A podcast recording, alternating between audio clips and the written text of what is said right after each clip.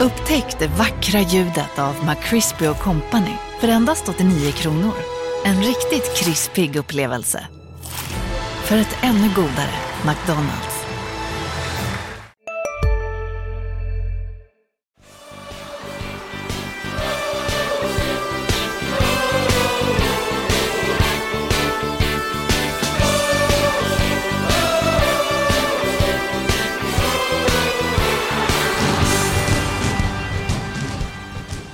Vecka, nytt avsnitt av Landskrona Boys-podden. Välkomna hit. Eh, Sebastian Rönnström sitter här som vanligt. Ja, Erik Persson sitter också här som vanligt. Och framförallt, det här avsnittets höjdpunkt. Billy Magnusson kommer prata ganska länge, ungefär 25 minuter, om eh, läget eh, i Boys. Du och jag Seb intervjuade huvudtränaren precis här under onsdags förmiddagen. Ja, det gjorde vi. Eh, det har ju varit en, en tuff start för Boys i Superettan med tre raka förluster. Eh, nu senast också eh, inget skott på mål till exempel mot AFC Eskilstuna. Så då vill man ju veta lite vad, vad huvudtränaren Billy Magnusson tänker och tycker om, om den tuffa starten. Jag tycker att vi, vi kastar oss in i den intervjun direkt. Den första frågan som vi ställde till Billy Magnusson var hur han tacklar den här perioden. Tre raka förluster.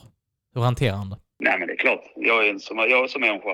Eh, dessutom är det min klubb och ja, man har ju mycket relation till folk så det, det är jobbigt. Men samtidigt så om jag börjar tvivla, om jag börjar liksom eh, grotta ner mig och, och backa ur då, då är jag ju inte rätt man till att leda skutan för att jag måste ju ge en, en energi till, till spelarna och mina medarbetare och, och, och bidra med den kunskapen jag har. Så jag får gotta ner mig när ingen ser och, och, och, och må lite skit då. Sen måste jag på jobbet på 100 procent liksom. Så det är väl så man hanterar den. Man är människa men man måste också gå in i sin yrkesroll och vara professionell där. Och, och, eh, så länge man har energi så, så ska man maximera allt liksom.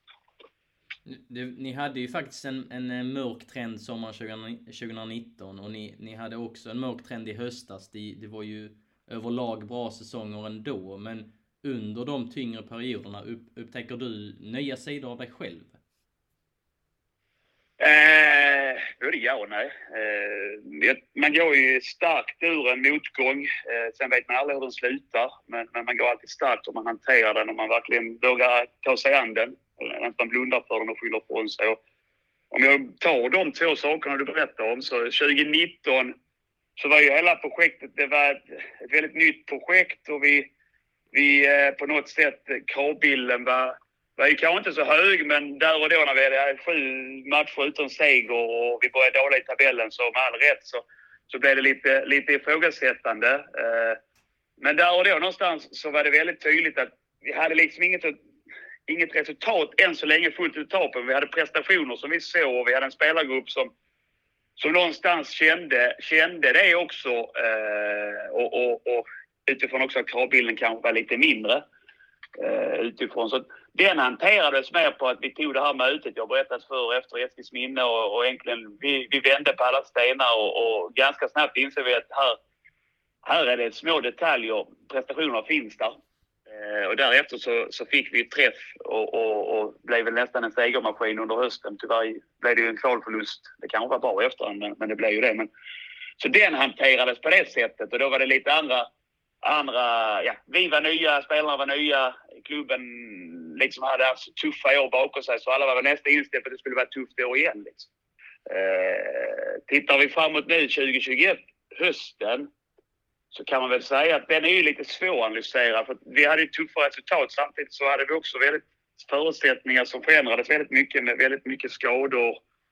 Eh, plus att vi hade fått ut väldigt mycket eh, inte alltid prestationer över hundra, men fått väldigt mycket resultat eh, med oss som gjorde att vi, vi, vi låg väldigt bra på det tabellmätet också. Eh, så att, men det, det, där någonstans där hade vi ändå nått vårt mål eh, ganska tidigt vilket gjorde att det fanns ett lugn i och runt föreningen tror jag som, eh, som också gjorde att spelarna blev, liksom, blev inte utsatta för saker hela tiden och, och, och så. så att, den tyckte inte jag var någon nämnvärd utan på något sätt så han bara tittar på hur vi ska spetsa till det. Men det är klart att när man hade med sig den in alltså avslutet av säsongen så är det klart en del i också att vi funderar på hur måste vi ta nästa steg för att inte bara sitta, inte göra någonting och tro att det kommer bli en jättebra vår och en jättebra 2022 utan att göra någonting. Liksom. Så, att, så att det är kanske så man, när man har analyserat och vänt och vridit sådana grejer. Och, och, och, jag har väl hanterat det precis som jag beskrev nu, jag gör nu liksom. Jag, det tar på en och det, det, det gör det. Jag skulle ljuga om jag sa något annat. Sen eh, har jag ju skaffat mig både ett, ett nätverk runt om mig som jag är väldigt trygg med och jag har också ett eh, någonstans lärt mig att eh, stänga ute saker som tar energi för mig eh, och eh, låta andra lägga energi på det och sen så så maximerar jag jag kan påverka eh, och därigenom så, så ger jag mig själv energi och förhoppningsvis energi till grabbarna också. Det är min uppgift där. Är det någon eh, speciell person utanför klubben som du bollar med? Både i bra och dåliga perioder kanske, men som du har som någon form av bollplank? Ja, men jag har, man har ju, alltså utan där, där är, jag satt lite, man skrev till faktiskt lite utbildning också. Man har ett nätverk på en eh, sex, sju personer, en del tränare, eh, både på högre och lägre nivå som man både har jobbat med, som man har mött, som man har haft bra kontakt med.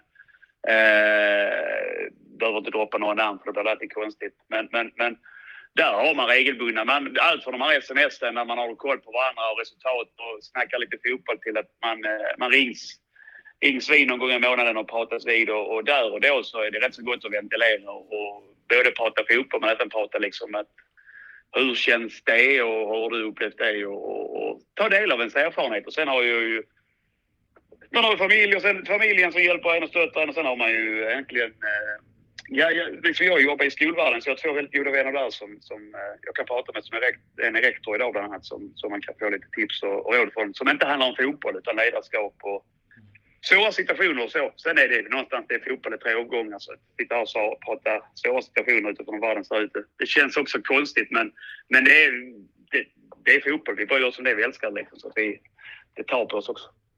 Sett till eh, de här tre första matcherna. Vilka perioder tycker du att ni har varit som bäst i matcherna då? Om man ska se, ta fram det, det positiva så att säga.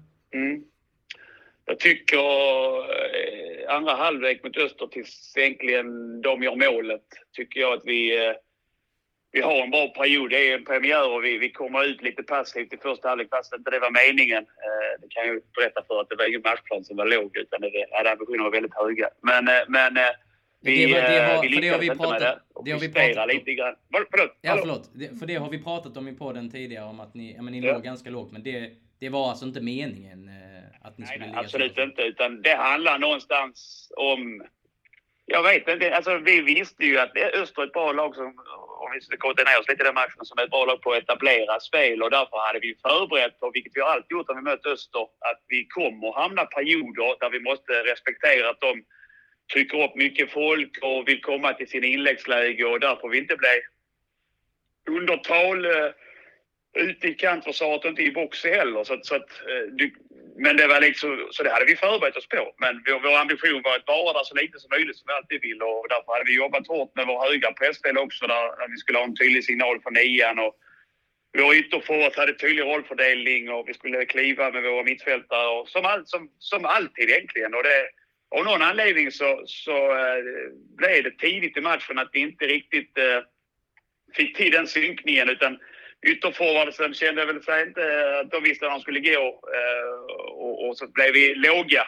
Och då är Öster ett av de jobbigaste lagen att möta för de är skickliga på att etablera spel, ha tålamod, komma till de här inläggslägena och så vidare. Så, så att, så att, det var ju därför, därför gjorde vi en justering. Tyvärr då så, så ger vi bort ett mål för de skapar inte mycket mer än än det här inspelet som där vi stod med ja, en hel fyrbackslinje inne och ändå rann den igenom hela straffområdet. Men, men, eh, men, men annars skapade de inte så mycket. Men, eh, men sen, sen gjorde vi en justering i pausen. Lite det jag känner. Där och då kände jag yes, detta var gott. Nu fick vi träff direkt. Eh, vi ändrade lite hur vi gick. gick. Vi hade ändrat lite rollfördelningen mellan de två ytterforwardsen. Vi ändrade rollfördelningen med ytterbackarna.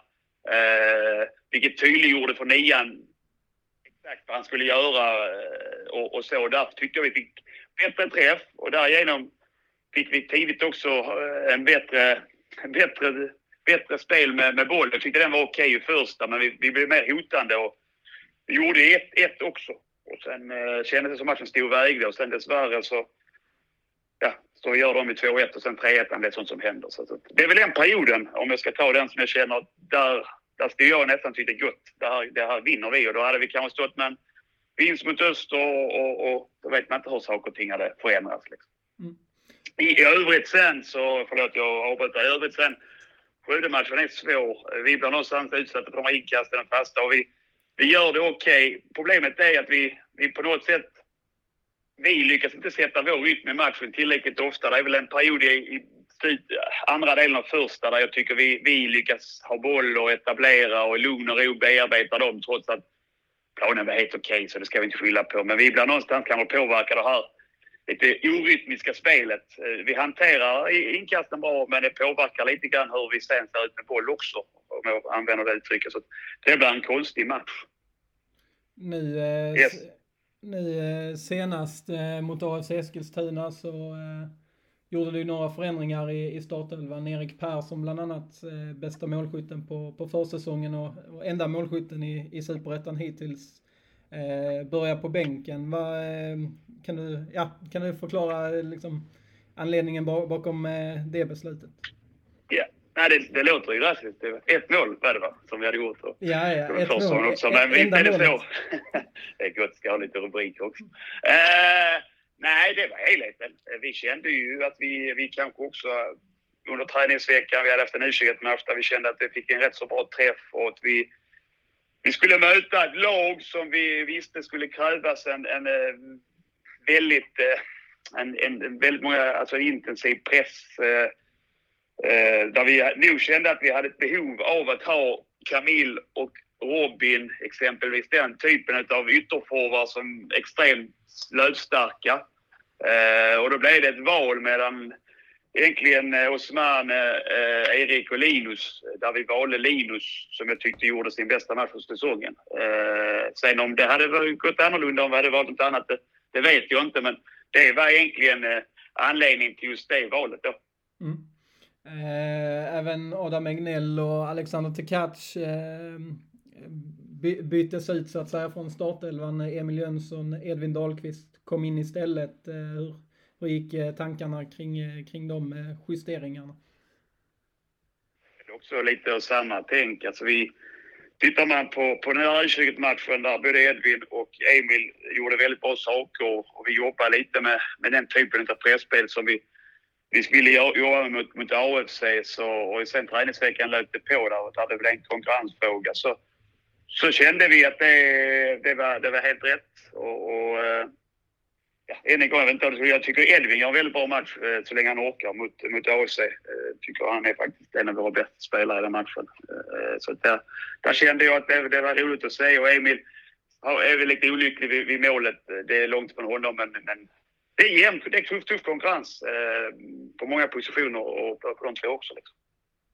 Filip Ottosson eh, avslutar ju försäsongen som sexa och nu så har han fortsatt att spela där. Hur, hur har han funkat i den eh, sittande mittfältsrollen eh, så här långt i år tycker du? Ja, bra. Eh, skulle jag vilja klona honom, det skulle jag alltså låta också. Eh, han, eh, nej men Filip tycker jag, tycker han generellt sett har varit, eh, eller han har varit vår, vår bästa mittfältare. Det, det är inget konstigt. Han, han eh, kanske inte hade sin bästa match mot Skövde, men jag tycker eh, mot, eh, han var ändå OK, men det var, det var kanske den sämsta prestationen han gjort detta året. Men i övrigt så har han varit väldigt bra där. Sen får man ju, jag menar, vi valde att flytta upp en sån åtta mot AFC och då får vi direkt någon bollvinst. Han är intensiv där och han får han lite närmare straffområdet och man vet att han, som jag också vet andra kan, men Filip bevisade förra året. Så det är väl det mer man brottas med. Jag tycker han gör det bra som sexa, men, men eh, man saknar vissa, vissa av hans egenskaper som man kunde ha honom som åtta också. Eh, sen har vi bra övriga mittfältare runt om, det är inte det, men jag tycker Filip är det som har varit bäst. Och just nu känner jag att han, vi har mest nytta av honom som sexa. Eh, så får vi se hur det utvecklar sig under säsongen. Liksom. Nikola Ladan kom ju in nu senast. Emil Jönsson startade som åtta, men Emil Jönsson började ju faktiskt försäsongen som sexa. Är Emil Jönsson också med i konkurrensledet som sittande mittfältare? Eller ser ni enbart honom som åtta i nuläget? Nej, han kan spela bägge positioner, vilket är en fördel för, för Emil och oss. Liksom. Så han, är, han, han kan stänga in på bägge de positionerna. Eh, du pratade där innan om, om pressspelet mot Öster, att det inte var, var tanken att, att ni skulle ligga så lågt. Hur tycker du att, att det har funkat i, i de andra matcherna, just pressspelet? Ja, mot Skövde är det ju, får man inget presspel eftersom det blir, alltså, det blir oftast längre, eller det blir långa igångsättningar och det blir oftast liksom, ja, de tar spelet uppifrån och gör det bra liksom. Så den är, där, där får du ju inget, där får du sällan ett presspel på dem. Eh, vilket, vilket, så den, den matchen kanske vi, kan vi lämna ur den frågan. Men tittar jag AFC så tyckte jag det var, det var vi jobbade väldigt intensivt, vi hade extremt många sprints och löpmeter. Eh, vi möter ett bollskickligt AFC på konstgräs. Men jag tycker ändå att vi, vi, vi lyckas få till ett presspel. De är ändå skickliga att, att spela sig ur också genom att chippa ut en ytterkorridor. Man måste någonstans prioritera bort någonting. Men kan vi, förhålla, kan vi ha dem där så, så, så, tycker jag, så tycker jag att det är bättre än att vi släpper in dem centralt i banan hela tiden. Och det tycker jag vi lyckades med bra. Eh, och vi, vi var så snabbt hemma när de spelade förbi den och tvingade oss att ta ut ytterzon. Så att, eh, jag tyckte det var klart bästa match utifrån hur vi pressade och även utifrån hur vi stod i egen box. Eh, lite olyckligt på andra målet där vi går bort oss lite och blir undertal. Men i övrigt så står vi oss bra mot ett lag som gjort väldigt mycket mål på inlägg också. Eh, så, så det var ett klart framsteg eh, utifrån hur vi intensitet i pressspelet mot, mot AFC. Eh, förra säsongen hade ni Kevin Jensen, Robin Hofse, Oskar Pettersson som, som nu är skadade då. De andra två har ju lämnat. Eh, eh, om du jämför spelartyperna som ni hade då jämfört med de som är nu, skiljer de sig åt liksom i, i en sån del som, som pressspelet till exempel? Ja, börjar vi med Kevin så, så vet vi tidigt så att han är ju var ju allsvensk redan 2019 i sitt presspel. Eh, och det, var, det är ju en av hans spetsegenskaper, oerhört intensiv. Samtidigt så är han oerhört duktig på att läsa av och lägga sig exakt.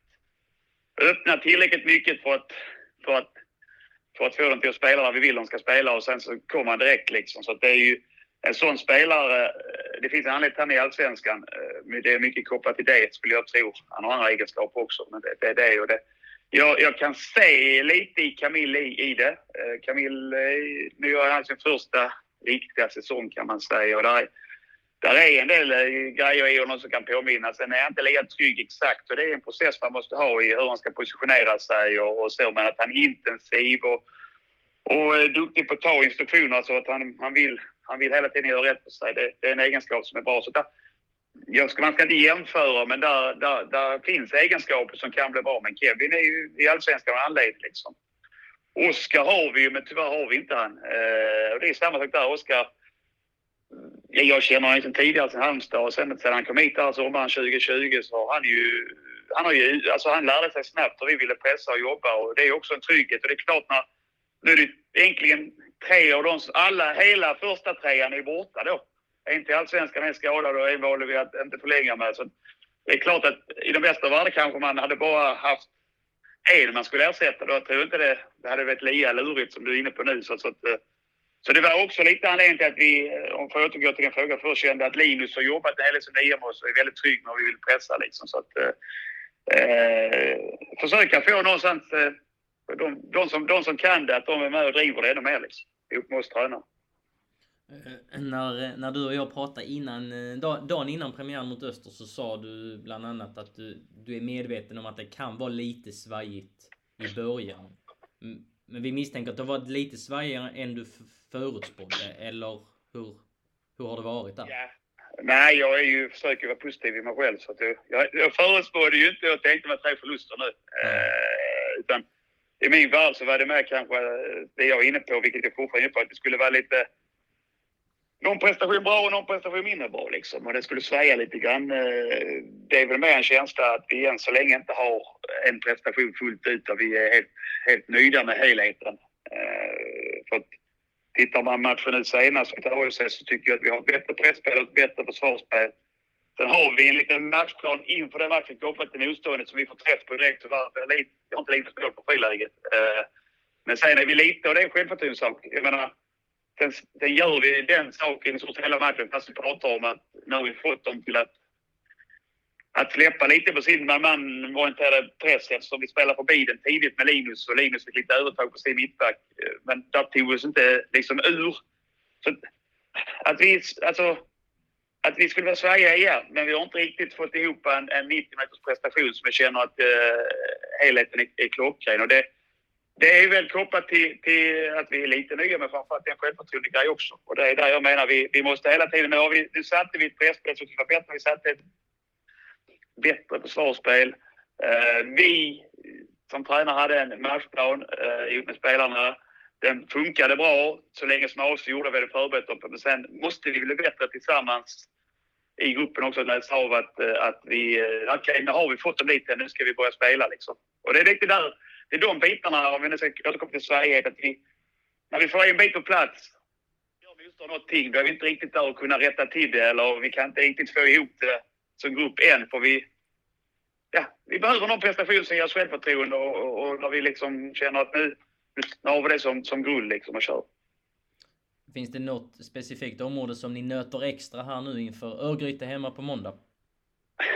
Ja, vi ska börja nöta det idag. Vi hade ju kommit hem i söndags eh, natt och sen så hade vi ett eftermiddagspass på annandag påsk eh, där vi var uppdelade. och sen var killarna lediga så nu är de återhämtade så då är det då som jag sa dubbelpass. Eh, ett tufft pass också för, för, för att ligga i fas med allting. Men, men vi kommer nöta vissa saker och, och har väl lite idéer eh, hur vi kanske ska maximera spelar, spelartyperna som är i form eller som vi känner vi kan få ut egenskaperna på ett bättre sätt. Så vi, vi sitter väl och skruvar på saker här. Eh, får vi se vart det leder till. Mer än så vill jag inte berätta. Nej. Det får vara, det får vara no några hemlisar helt enkelt. Ja, men jag kan inte berätta allt. Nej. Jag tycker ändå jag är så öppen och fin och öppnar, öppnar upp mig. Så att, ja, lite får jag hålla själv. Ja. ja, men kanon Billy. Vi, eh, vi tackar ja. där. En hel del eh, intressanta svar tycker jag från eh, Billy Magnusson. Bland annat eh, det om Filip Ottosson som eh, har varit Boys bästa mittfältare så här långt under säsongen enligt Billy Magnusson. Och så öppnar han ju också upp om att de våndas lite över var Filip Ottosson ska spela. Och då kommer vi ju in på diskussionen om eh, ja, men, eftermälet efter Sumar Al-Madjed som gjorde stor succé under sina 17 Superettamatcher förra året. Eh, som sittande mittfältare i Landskrona Boys. Vad säger du eh, om den här diskussionen? För den får väl någonstans ändå eh, fortsätta? Ja, nej, men den är intressant just att han, att han säger som han gör. Att ersätta Sumar Almadje, det är tufft. Kanske till och med omöjligt med tanke på hur, hur bra han var förra året. Det var ju, ja men när han var frisk var han väl kanske superettans bästa centrala mittfältare och då det är klart att det är jättestora skor att fylla. Eh, Filip Ottosson har ju absolut, alltså han, han har egenskaper som passar i den rollen. Han har gjort det helt okej, okay, eh, som Billy också var inne på. Skövde-matchen var väl kanske den, den sämsta från honom. Men, jag gjorde det helt okej okay ja, i vissa matcher under hösten. Ja, ja absolut. Alltså det, Filip Ottosson, Filip Ottosson är en mycket bra spelare. Det är bara det att han är bra som åtta också. Det är han det som är ju det och det är kanske där han är som allra bäst också. Bara det att Boys saknar riktigt heta alternativ till Filip Ottosson i eh, sexarollen. Nikola Ladan varvades från, från Gais med väl ambitioner att han skulle kunna fylla den rollen men har ju inte hittills eh, kommit upp eh, i den nivån som man kanske förväntar sig att han, han skulle göra. Även va, om det har sett bättre på, ut lite på slutet här. Och Emil Jönsson Eh, är väl kanske inte riktigt där än heller att, att vara den eh, startspelaren på det sättet. Vad tänker du kring värvningen av eh, Nikola Ladan? Ändå en etablerad superettan-spelare, lite äldre än vad, vad Boys brukar ta utifrån. Och ja, värvades ju tidigt och som, som uttalad sexa. Mm, ja men det, det är klart att det är en annan sorts vi är specialister på det vi gör, precis som du. Därför försäkrar vi på Swedea bara småföretag, som ditt. För oss är små företag alltid större än stora och vår företagsförsäkring anpassar sig helt efter firmans förutsättningar. Gå in på swedea.se företag och jämför själv. Dagens vinnarprognos från Postkodlotteriet. Postnummer 65209, klart till halvklart och chans till vinst. 41101, avtagande dimma med vinstmöjlighet i sikte. Övriga 10 500 postnummer soligt och möjlighet att vinna. Oavsett när sommaren kommer till dig så kan du och dina grannar få dela på 48 miljoner i sommaryran. Ta chansen nu i maj på Postkodlotteriet.se. Åldersgräns 18 år. Kontakta stödlinjen om du eller någon anhörig spelar för mycket. Profil på den varvningen än, än de boys har gjort och även gjorde inför den här säsongen. Eh, han kom ju från en tuff säsong i, i Gais där han inte heller liksom fick det att flyta. Gjorde ju det väldigt bra eh, när han var i Degerfors och sen åkte han ju på den här skadan som då eh, höll honom borta länge. Så han är ju inte i någon toppform eh, och var inte det när han kom till Boys heller. utan han, han sliter lite med, och, med att hitta tillbaka till, till formen som han hade för några år sedan. Och, och då med tanke på det, med tanke på att Emil Jönsson är relativt ny på den här nivån och, och hela den biten så, så är ju alltså de heta alternativen, alltså till numerären kanske man har alternativen men det är ingen som är där att de kanske konkurrerar ut liksom Filip Ottosson ur den rollen så att man i sin tur kan flytta Filip Ottosson till en eh, åtta positioner, alltså en mer eh, offensiv eh, mittfältsposition. Där jag nog tror att Boys hade fått ut som mest av Filip Ottosson, men så som konkurrenssituationen ser ut så behövs han ju, han behövs ju som sexa eh, som det ser ut just nu. Mm. Eh, ett annat eh, intressant resonemang var ju de här tre spelarna som eh, blev bänkade mot AFC Eskilstuna efter att ha startat eh, tidigare. Alltså Erik Persson, Adam Egnell och Alexander Tkach. Då pratar vi om en trotjänare i Alexander Tkach och vi, vi pratar om, om två spelare som eh, Ja men det finns fog för att hävda att, att Erik Persson och Adam Egnell tillhör Boys största värvningar under Billy Magnusson och Max Mölders ledning. Jonathan Asp har också meriter som kan eh, komma in i, i den kategorin. Erik Persson hämtades från allsvenskan och har har haft en eh, kort utlandssejour eh, också. Ja, men väldigt etablerad på superettanivå. Och Adam Egnell för att han faktiskt köptes loss. Eh, ovanligt nog, men han köptes ju faktiskt loss. Så att på så sätt blir ju det rent konkret en, en, en satsning på det sättet. Hur eh, reagerade du när du såg startelvan och att de här spelarna hamnade vid sidan? Alltså om vi börjar med Alexander Tekac, så mm, även förra säsongen så nu, nu var väl han inte satt under samma konkurrens eh, så. Eh, det var väl mer på högerbackspositionen man skiftade väldigt eh, friskt. Men att man, man skiftar lite där mellan han och Edvin Dahlqvist, det, det är kanske inte så sensationellt ändå. För det är ändå ja, men två spelare som verkligen ska slåss om det eh, på ett tydligare sätt än vad man hade förra, förra ja, Det är mycket säsongen. poängen med värvningen av Ja, Edvin, precis. Han ska Edvin ju vara där och verkligen konkurrera om en startplats och, och sätta lite, lite fart i röven på, eh, på Alexander Tekac. Eh, Intressant att se hur eh, Tekac hanterar det. Ja, absolut. Det, det, det, ska, bli, ska bli intressant att se om, om, om man också fortsätter med, med detta i nästa match eller hur man väljer att göra.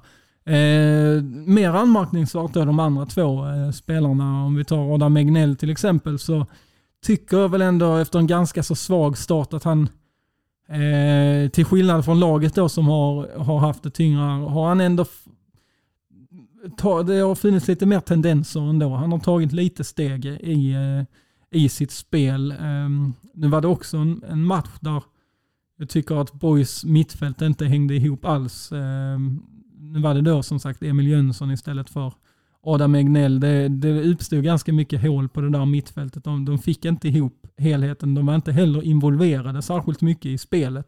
Och Melker Heijer letar också efter Melker Heijer letar också efter form. Har inte alls fått en, en bra start här, men där, där finns ju väldigt mycket i honom som, eh, som förmodligen kommer komma fram vad det lider. Men, eh, men ingen av de här eh, mittfältarna hade någon, eh, var, var särskilt involverade överhuvudtaget i spelet. Om man tar Emil Jönssons agerande på 1-0 målet till exempel. Det är väldigt det är ganska tamt. Han vet inte om han ska in och, och, eh, och stöta. Eh, och då blir det att han, han kommer lite på, på mellanhand där och så startar de sin kontring. Så det, det synkar inte, det satt inte ihop mittfältet mot eh, Eskilstuna. Erik Persson, eh, intressant det här resonemanget han hade om, eh, om yttrar, att man ville ha eh, löpstarka yttrar i Sabic och, och Jebara. Och det kan man väl förstå lite så sett till hur AFC spelar och, och sett också till att vi har pratat innan om det här med pressspelet och att man behöver en mer intensitet i sitt spel. Ja, du har ju velat, velat ha in Camille Jebara i ja, startelvan dessutom.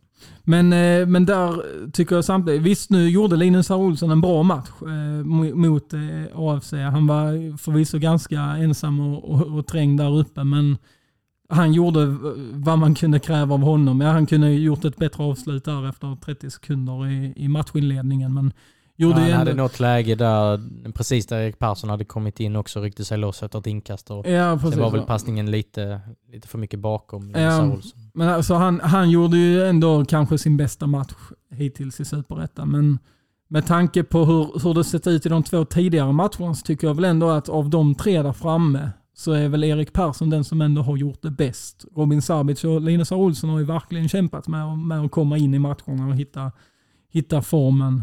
Ja, eh, det, det, jag håller med. Eh, det känns som så att känns Erik som Persson att... har haft eh, huvudet ovanför vattenytan på ett annat sätt medan Linus Olsson och Robin Sabic har legat på, på ja, men en, en lägsta nivå mm. sett till deras kapacitet tycker jag faktiskt. Jag tycker inte det är att överdriva. De, de har haft det riktigt tufft i de i de två första matcherna. Och detta kanske kan ge lite nytt syre till Linus R. Olsson också.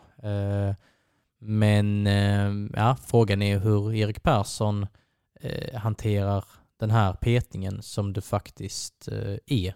För det, det ska ju inte ha handlat om någon känning och så. Vi, vi har pratat tusen gånger om hans tuffa fjolår men det, det ska inte ha med det att göra utan eh, det var en petning. Mm. Nej, det är så lite anmärkningsvärt där just med tanke. Det är klart att alltså man, eh, alltså, att Boys tog hänsyn till förväntad matchbild och, och hela den eh, biten. Men jag tycker väl ändå att Erik Persson har varit en av de tre som har startat där framme i de två första matcherna som har varit hetast och ändå visat någon form av eh, formbesked.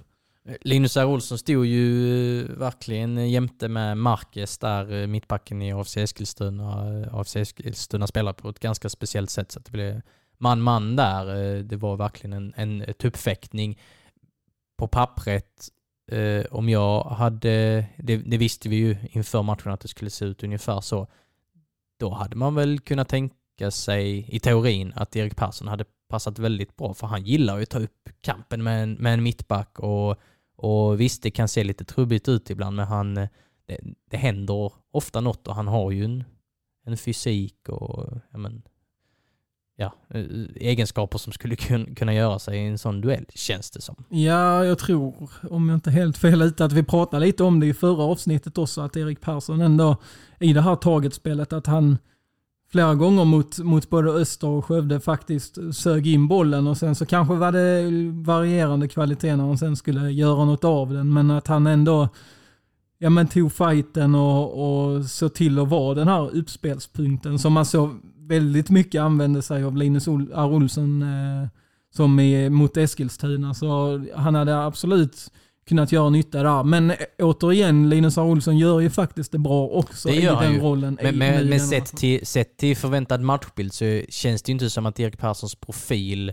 eh, liksom talade mot honom i det eh, avseendet. Nej, nej, absolut. men det fanns då inte plats, plats för båda eh, uppenbarligen. Men eh, sen har vi, vi såg inte träningarna förra, förra veckan. För dåligt att vi inte hade någon träningsnärvaro, men vi har ju inte vi har inte sett vad de har gjort där i veckan. Eh, det spelar ju också roll. Eh, så att, eh, men ja, det var ju inte annat än att man lyft... Jo, vi hade träningsnärvaro. Du var på en träning förra ja, hade veckan. Vi. Det var Här sitter jag och snackar men, strunt. Men då, då jobbar de ju på ett lite annat sätt än just med, med de här eh, långa Nej, bollarna. Jag vill inte avslöja något för dig. Nej, det ville de ju såklart inte. Eh, det, det de jobbade på då var eh, faktiskt eh, väldigt, alltså jobba just med pressspelet. Väldigt, de, de nötte det rätt så mycket. Då, då faktiskt hur de spelar på, på den träningen om man ska se till den som, alltså där flest ordinarie spelare var med så att säga i startelvan. Då var Alexander Tekac vänsterback. Då var faktiskt Ousmane Diawara eh, for, central forward istället för eh, Erik Persson och så då eh, Linus R. Olsson ute på vänsterkanten istället för Jebara. Dessutom eh, Nikola Ladan eh, sexa istället för Filip Ottosson. Så det sa ju i efterhand ingenting det träningspasset men eh, det var ändå något jag hajade till på där och just hur man nötte pressspel eh, under den träningen. Billy Magnusson stod och räknade högt till, eh, till tio, eh, tio sekunder eh, för att, liksom, att det försvarande laget skulle vara, vara på och vinna bollen inom tio sekunder. Mm, intressant. Vi kan ju också eh, nämna en eh, Y-scout-siffra vad gäller Linus R. Olssons match mot Marquez, eller match mot AFC Eskilstuna.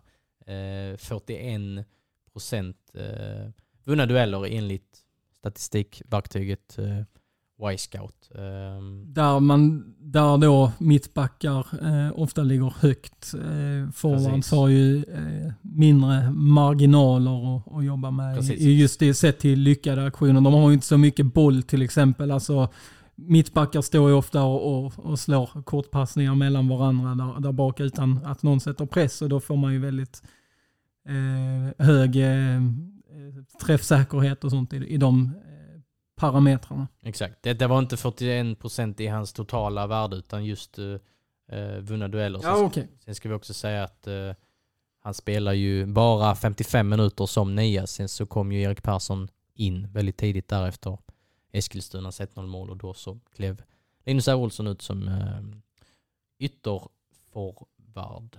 Um, ja, jag skulle säga något riktigt smart, men jag glömde det. Är det, är det något viktigt så kommer du säkert på det. Ja, men eh, alltså den här, den här starten för boys är ju ganska tung. Alltså sett till att man har gjort eh, en renovering liksom i truppen. Man har eh, tappat fyra spelare till allsvenskan. Det kan man ju inte rå för så att säga. Och sen så har man också eh, gjort sig av med väldigt många spelare. Det är klart att det gnisslar lite när man får en sån start och, man har tagit de här, som vi har pratat om innan, obekväma besluten. Då, då kan det ju vara eh, alltså, ett visst tryck från till exempel supporterhåll att ja, men då vill man också se resultat om man nu har tagit de här besluten. Att då, då ska det ju också leda till något bättre och att då få den här starten det är ju allt annat än önskvärt i, i sammanhanget. Det jag skulle säga det var just kopplat till det här med pressspelet och det du sa om eh, träningen som du tittar på, de här 10 sekunderna, att Billy var väldigt aktiv där. Eh, Erik Persson hade ju, nu har vi nämnt det för andra veckan i rad, men ett lite halvplumpt eh, eh uttalande där efter Östermatchen, att han gick eh, på, vad var det han sa? Halvhjärtat. Tror Halvhjärtat i, i pressspelet, att han inte hittade sig själv. Och det, det, någonstans så la ju Billy Magnusson till någon pusselbit här nu eh, i den här intervjun som ni har lyssnat på eh, att de ville inte stå så lågt. Det har vi ju pratat om i podden. Eh, och att eh, nian inte kanske gav rätt signaler. Det var ju Erik Persson han syftade på där. Så att det känns ju som att den här petningen är någon form av eh, markering mot eh, Boys eh, stjärnforward. Mm. Ja, nej, men det är ju klart att alltså, alla i, i truppen behöver väcka sig själva och steppa upp. För det har ju inte varit eh, tillräckligt bra. Eh, det, det, är ju rent faktum liksom. Mm. Eh, Borg står på noll poäng efter tre omgångar. Härnäst väntar Örgryte eh, på Landskrona IP på måndag. Eh, intressant tycker jag ändå, jag men, jämföra lite med hur, hur, hur det har sett ut tidigare. Detta är en en, en smal spaning. Eh, men den kanske ändå säger något litet. Jag vet inte. Förra året var det inget lag i Superettan som stod på noll poäng eh, efter eh, tre omgångar. Örgryte, som står på en poäng nu, de stod också på en pinne efter eh, omgång tre förra året. Fick en väldigt tuff start, låg väl i, i botten ända till sjunde, åttonde omgången och sånt innan man börjar komma igång så smått om jag inte har helt fel för mig. Det känns som eh, de tog även en, en ehm, eh, poäng i eh, omgång fyra. Eh, 2020 så var det ett lag som förlorade alla, alla de tre första matcherna. AFC Eskilstuna. Ehm, de tog sina första poäng först i omgång fem uh, vid en seger. De slutade nia i superettan. Så det blev ju eh, helt okej okay ändå. Och just uh, niondeplatsen, det är ju där uh, jag har placerat boys inför säsongen i alla fall. Och väl typ i det skiktet du också har förutspått att, ja, de, precis. att de lär, jag sa väl åtta hamna. eller något sånt. Men det är ja, samma sak. Ja men det är skiktet i alla fall. Eh, så att, eh, ja. Eh, klart att varn varningsklockorna ringer. Eh, men man ska också komma ihåg att säsongen är i sin, sin linda. Eh, sen är det klart, eh, hade prestationerna sett, sett bättre ut så hade det varit, varit enklare att sitta här och säga att amen, det kommer att lossna väldigt snart. Nu har du ju spretat eh, lite om man ska vara ärlig. Ja, det måste absolut bli bättre. Ehm, det har ju varit ja, Österpremiären, eh, ett tippat topplag. Eh, sen har det ju varit två matcher mot Skövde och AFC Eskilstuna, två lag som inte tippade särskilt högt upp i tabellen, men som faktiskt ligger etta och tvåa. AFC Eskilstuna är ju det enda laget med full pott och Skövde är faktiskt tvåa, enda laget med sju poäng. Så, eh, det är också de, värt de att ha med sig. Två de enda två lagen som inte har, eh, har förlorat någon match hittills. Så det är lite intressant i, i sammanhanget att, att de har imponerat så och, och skrällt lite här i början av säsongen. Så det ska man kanske ha med sig också, att de kanske är lite bättre än vad man tror. Eh, men, eh, men helt klart att, eh, att Boys behöver rycka upp sig. De pratar ju väldigt, ja nu är det ju tävlingssäsong så då är det ju klart att resultaten har väldigt stor betydelse. Men Boys är glada för att prata om prestationer och, och där har ju inte, inte heller i den kolumnen har man ju varit bra. Så, så är det. Mm. Och nu eh, väntar ett eh, högintressant möte mot Örgryte som också ligger där nere i den eh, haltande eh, tabellen. Och eh, eh storsatsande ÖIS eh, råkar ut för lite skadekalabalik i förlustmatchen mot eh, Öster här nyligen. Hampus Dahlqvist, eh, bror till Edvin Dahlqvist i Boys, eh, han klev av, eh, kände sig sjuk Eh, och eh, den stora, stora profilvarvningen, Niklas Barkrot, eh, inhämtad från Djurgården. Vinterns stora chockövergång i superettan-sfären. Han bröt också matchen då var den. Ehm, satte stopp.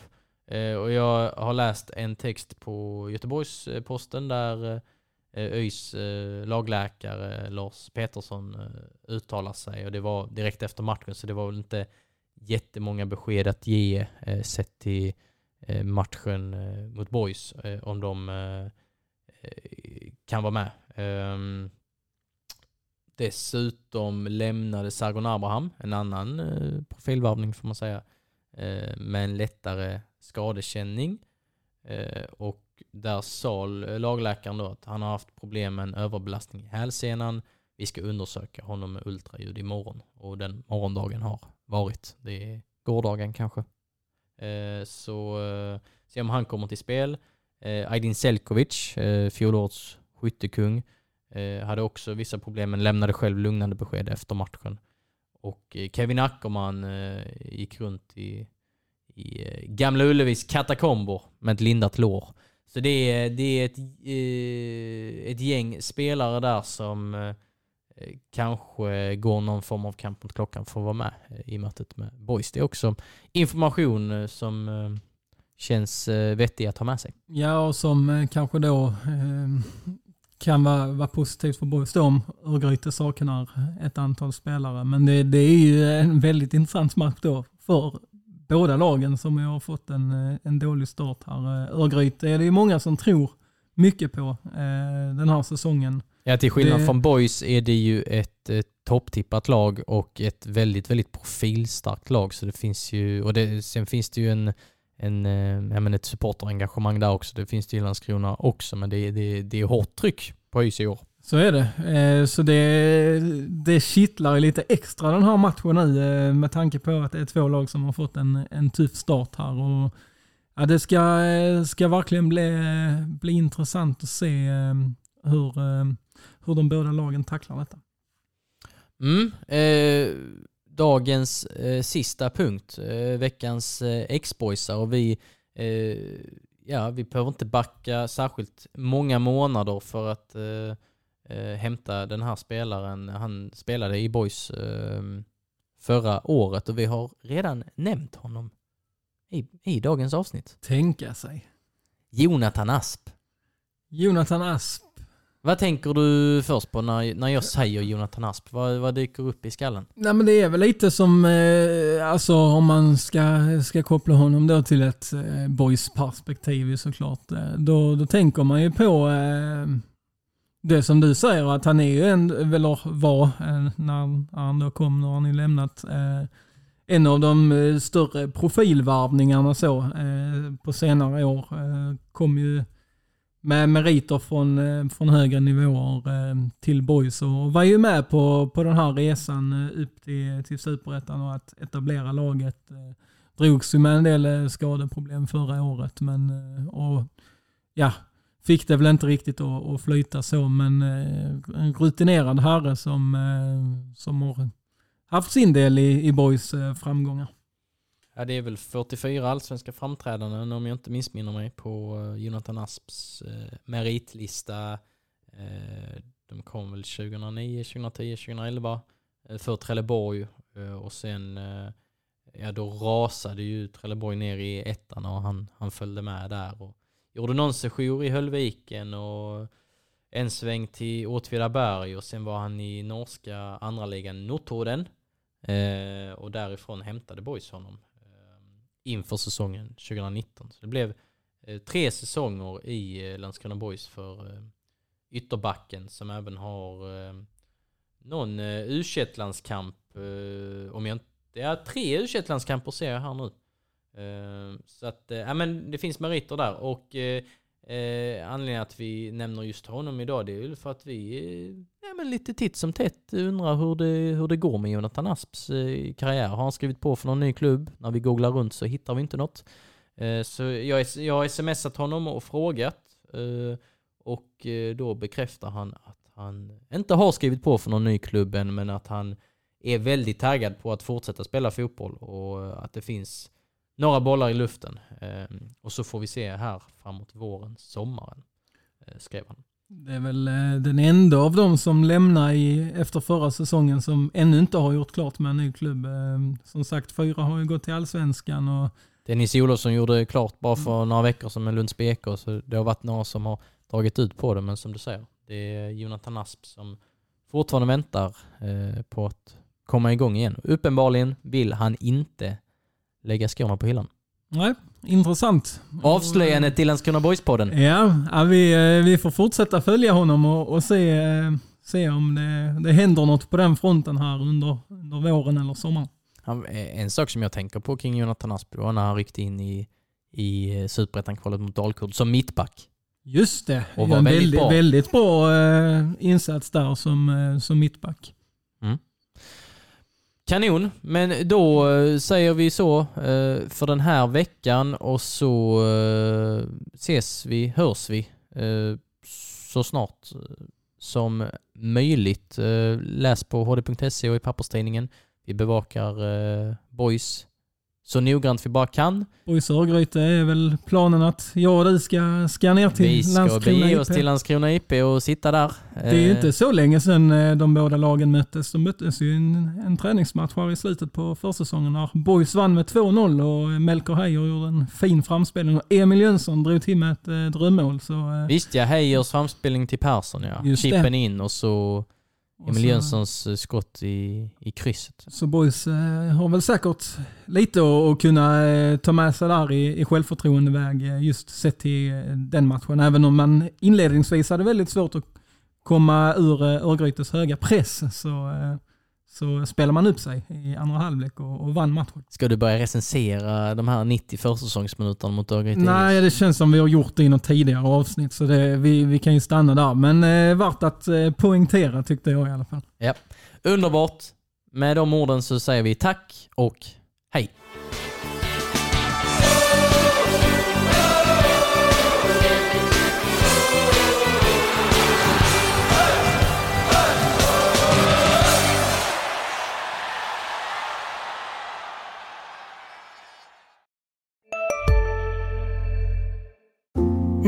Ni om det största. Och det största är den minsta. Ni minns de första ögonblicken. Och den där blicken gör er starkare. Så starka att ni är ömtåliga. Men hittar trygghet i Sveriges populäraste barnförsäkring. Trygg Hansa. Trygghet för livet. Hej, Synoptik här. Visste du att solens UV-strålar kan vara skadliga och åldra dina ögon i förtid? Kom in till oss så hjälper vi dig att hitta rätt solglasögon som skyddar dina ögon. Välkommen till Synoptik.